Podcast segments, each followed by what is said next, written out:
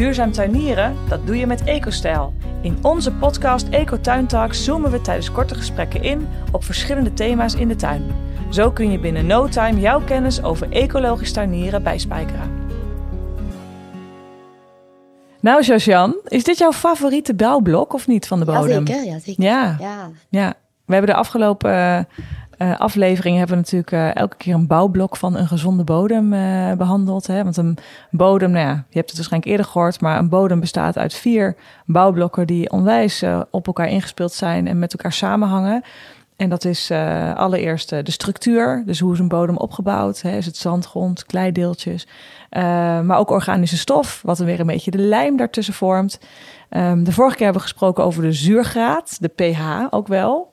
Um, en uh, dat lijkt makkelijk, maar dat heeft ook best wel veel invloed eigenlijk hè, op een bodem en hoe een bodem functioneert. Dus, en uh, vandaag is denk ik weer zo'n leuke, want uh, we gaan het hebben over bodemleven. Het vierde bouwblok, um, een heel intrigerend bouwblok. Um, ik weet niet wie van jullie de film Onder het Maaiveld heeft gezien. Ik denk dat dat het toonbeeld is van hè, wat er allemaal gebeurt in die bodem. het laat echt het leven zien wat zich daar allemaal afspeelt en wat voor ons eigenlijk ja, helemaal niet zo zichtbaar is. Heel af en toe misschien een keertje hè, met een regenworm of een mier. Maar verder zien we dat natuurlijk niet. Weten we ook niet zo heel goed wat het allemaal is en wat dat doet. Nou, laten we daar deze aflevering eens aan gaan wijden. En um, ja, eerst misschien wel, wat is bodemleven? Ja, misschien laten we daar ja, beginnen. Ja. Misschien is dat nog wel weer, uh, ja. Ja, wat is bodemleven? Bodemleven is, um, je kan het opdelen in twee delen. Ja. Uh, je kan spreken over uh, al datgene wat je ziet. En dat is het bodemleven wat we denk ik het beste kennen. Dat is uh, uh, de mollen, om het meteen met een heel groot te beginnen. Grote, ja. de woelmuisjes, laten we zo kleiner gaan. Uh, de regenwormen, ja. maar ook de pissebedjes en de duizendpoten. dat zijn de macro-organismen. Dat zijn organismen die je met blote oog ziet. Ja. ja. dus dat is bodemleven. Maar je hebt ook micro-organismen. Dat zijn al, al het leven dat je hebt. Uh, eencellige of meercellige. Dus organismen die uit één cel of uit meerdere cellen bestaan. Uh, maar die je eigenlijk met de blote oog niet ziet. Hm. En dan hebben we het over um, bacteriën, schimmels, protozoa, uh, nematoden. Ja, aaltjes dus aaltjes. Ja. ja. Uh, eigenlijk kan je dat vergelijken met, um, en daar kennen we dat dan wel van, hè, met ons darmflora. Ja. Uh, dus daar hebben we geen macro-organismen. Gelukkig niet, dan hebben we een probleem. dan hebben we micro-organismen. ja. En daar kennen we dat woord wel van. Ja. Hè, dus daar weten we ook van dat het heel belangrijk is. Darmflora. Ja. Daar weten we ook van dat het heel belangrijk is. En dat we zonder dat darmflora best problemen hebben. Ja. En zo is het Want dat helpt bij de afbraak. Ja, dat helpt bij de afbraak van je voeding. Ja. Hè. Um, en heeft ook andere functies, weten we ondertussen. Ja. Hè? Um, maar zo is dat ook in de bodem. Hè? Dus ook die micro-organismen die je met het blote oog niet zien, ziet, die zijn heel belangrijk. En eigenlijk is het zelfs zo dat die in volume ja. en in massa veel meer uitmaken dan de macro-organismen. Uh, wow. Dus we zien ze niet, uh, en toch zijn ze met veel meer en een veel groter volume aanwezig in die bodem. Ja, want om even met een hele leuke one-liner in huis te vallen. Het is toch zo dat in één theelepeltje bodem of aarde, grond, er meer uh, leven zit dan alles wat er op de aarde rondloopt en Ja, leeft. Ja, Bizar. klopt. Ja, Ja, dat, Dat is, ook echt zo. heel tof. Ja.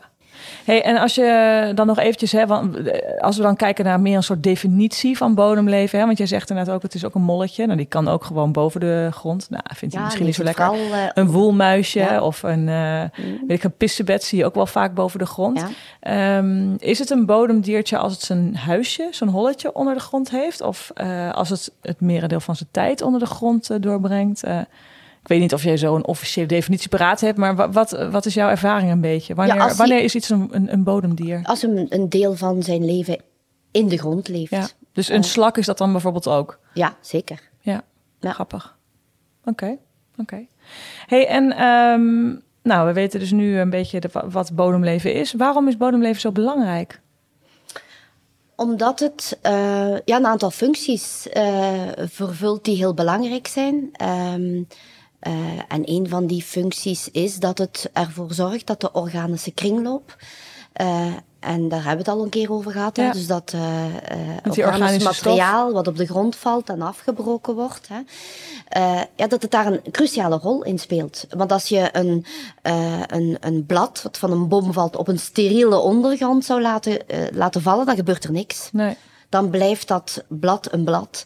En het is maar doordat de, eh, die micro-organismen in de bodem zitten, dat je die afbraak eh, krijgt. En dat je eh, vervolgens die organische stof krijgt, die dan Ja. weer heel belangrijk is als cement tussen de bouwstenen. Dus dat is één ding. De, zonder die organismen, macro en micro, hè, dus zowel de, de duizendpootjes en de pissenbedden, de regenwormen als de bacteriën en de schimmels, eh, die zijn allemaal nodig om dat organisch materiaal af te breken tot humus, Ja. waar we het de vorige keer over gehad hebben. Dus dat is één Ja. eh, ding wat Het is belangrijk eigenlijk ook echt een duidelijke link naar bouwblok, organisch Ja. materiaal. Ja. ja. Ja. en dat is ook waar, waarom ik zei in, in een van de vorige eh, afleveringen die we hadden. Het een kan je niet loszien van Nee. het andere. Nee. Eh, je kan wel één van de vier stimuleren. eh, maar als de andere drie niet, heel, niet op orde zijn, dan gaat dit zijn negatieve impact hebben op de ander. Dus het, het helpt wel om ze afzonderlijk te bespreken ja. en afzonderlijk iets aan te doen. Maar het werkt maar optimaal op het ogenblik dat ze alle vier eh, goed verzorgd worden. Ja, ja, ja. Een andere functie hè, van dat bodemleven is het vrijmaken van voedingsstoffen. Dat gebeurt deels ehm, eh, bij het afbraak van het organisch materiaal. Daar hebben we het vorige keer over gehad. Hè, dus Ja. dat daar eh, voedingsstoffen, stikstof, fosfor, kalium vrijkomen. Ehm, eh, maar dat heb je ook, zij zijn in staat, eh, bepaalde micro-organismen, om voedingsstoffen vrij te maken uit, uit mineralen, uit gesteente. Het gesteente. Ja. Dat is wel echt bizar. Ja, en dat doen ze dan door, eh, daar hebben we het de vorige keer ook over gehad, door de zuurtjes. Die zuurtjes die dat ze vrijgeven, Ja. hè, waarmee dat ze op die manier voedingsstoffen uit eh, mineralen kunnen halen. Of bijvoorbeeld, eh, je hebt ook eh, bepaalde eh, micro-organismen die samenleven met, met planten en die op die manier op de wortel, klaver is zo'n voorbeeld, Ja. waarbij dat je st- stikstoffixerende bacteriën zijn, dat die stikstof uit de lucht kunnen halen Ja. en op die manier ter beschikking kunnen stellen van de plant. Dus Ja. op die manier heb je allerlei processen waarmee dat micro-organismen nog voedingsstoffen kunnen beschikbaar maken ehm, ja, voor de plant. Ja. Zonder dat daar eh, organische stof voor wordt afgebroken. Ja, precies. En dat is wel een leuk bruggetje, want ehm, ja, wij hebben natuurlijk ook een eh gazonmeststof, hè, waar, eh, of eigenlijk al onze meststoffen, daar zit een heel scala aan bodemleven in. Ehm, misschien eerst wel even de vraag, hoe kan dat? Want het is natuurlijk een droge korrel. Hoe kan daar bodemleven in zitten zonder dat het doodgaat? Eh, omdat wij heel bewust die eh, micro-organismen gaan selecteren. eh, op het feit dat zij ook effectief in een meststof, op een meststofkorrel kunnen geënt worden. Of Ja. op, met een meststofkorrel een zak kunnen ingaan en een tijd kunnen bewaard worden. Ehm, Dus dus staan het ze een is- soort slaapstand of zo? ja, ja, ze worden in een soort van overlevingsvorm, hè, zijn ze dan, in een sporenvorm of in een eh, overwinteringsvorm. Op die manier Ja. eh, komen zij dan, eh, worden zij toegevoegd aan, aan de meststof.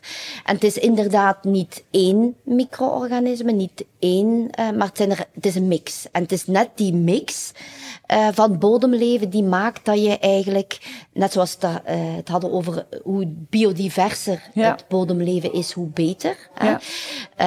Is het ook heel belangrijk dat wij die eh, mix van micro-organismen aan onze meststof toevoegen. Omdat dan krijg je de meest efficiënte manier waarop dat ehm, eh, de omgeving, dus je gaat niet alleen maken dat de meststof beschikbaar eh, gesteld wordt aan de plant, maar ook dat de omgeving waarin dat, die meststof terechtkomt, ideaal is om die voedingsstoffen op te nemen. Ja, dus eigenlijk je voedt de bodem rechtstreeks door eh, NPK toe te voegen. Maar Ja. doordat je ook bodemleven toevoegt, zorg je er eigenlijk ook voor dat, eh, de bodem, ja, dat het eigenlijk zelf uit de bodem kan worden vrijgemaakt.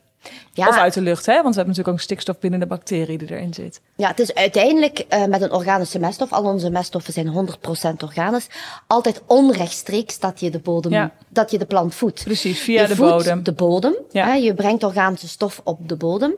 Uh, organische meststof op de bodem in dit geval. Uh, en het zijn de micro-organismen in de bodem of meegegeven met de meststof, ja, die de voedingsstof gaan, gaan vrijmaken voor de plant. Dus je gaat niet rechtstreeks een, een, een voedingsstof opgelost in water of uh, moeten oplossen in water vooraleer de plant uh, die ter, voor de plant ter beschikking ja, komt. Ja, dus de plant inderdaad, die haalt dat dan uit de bodem door middel van de micro-organismen die het vrijmaken. Ja. en een andere functie, want dan hebben we nog een derde, is bijvoorbeeld bepaalde schimmels, mycorrhiza-schimmels. Daar hoor je nu de laatste jaren meer over, hè, omdat er best wel mooie onderzoeken over de wereld ingestuurd worden. Um, mycorrhiza zijn schimmels die dat samenleven in symbiose, samen met Ja. uh, de plant. Um, en die maken dat uh, de wortel, als ze op die plant gaan zitten, dat de, de wortel van de plant in volume vergroot, waardoor dat die plant gemakkelijker zijn voedingsstoffen kan opnemen.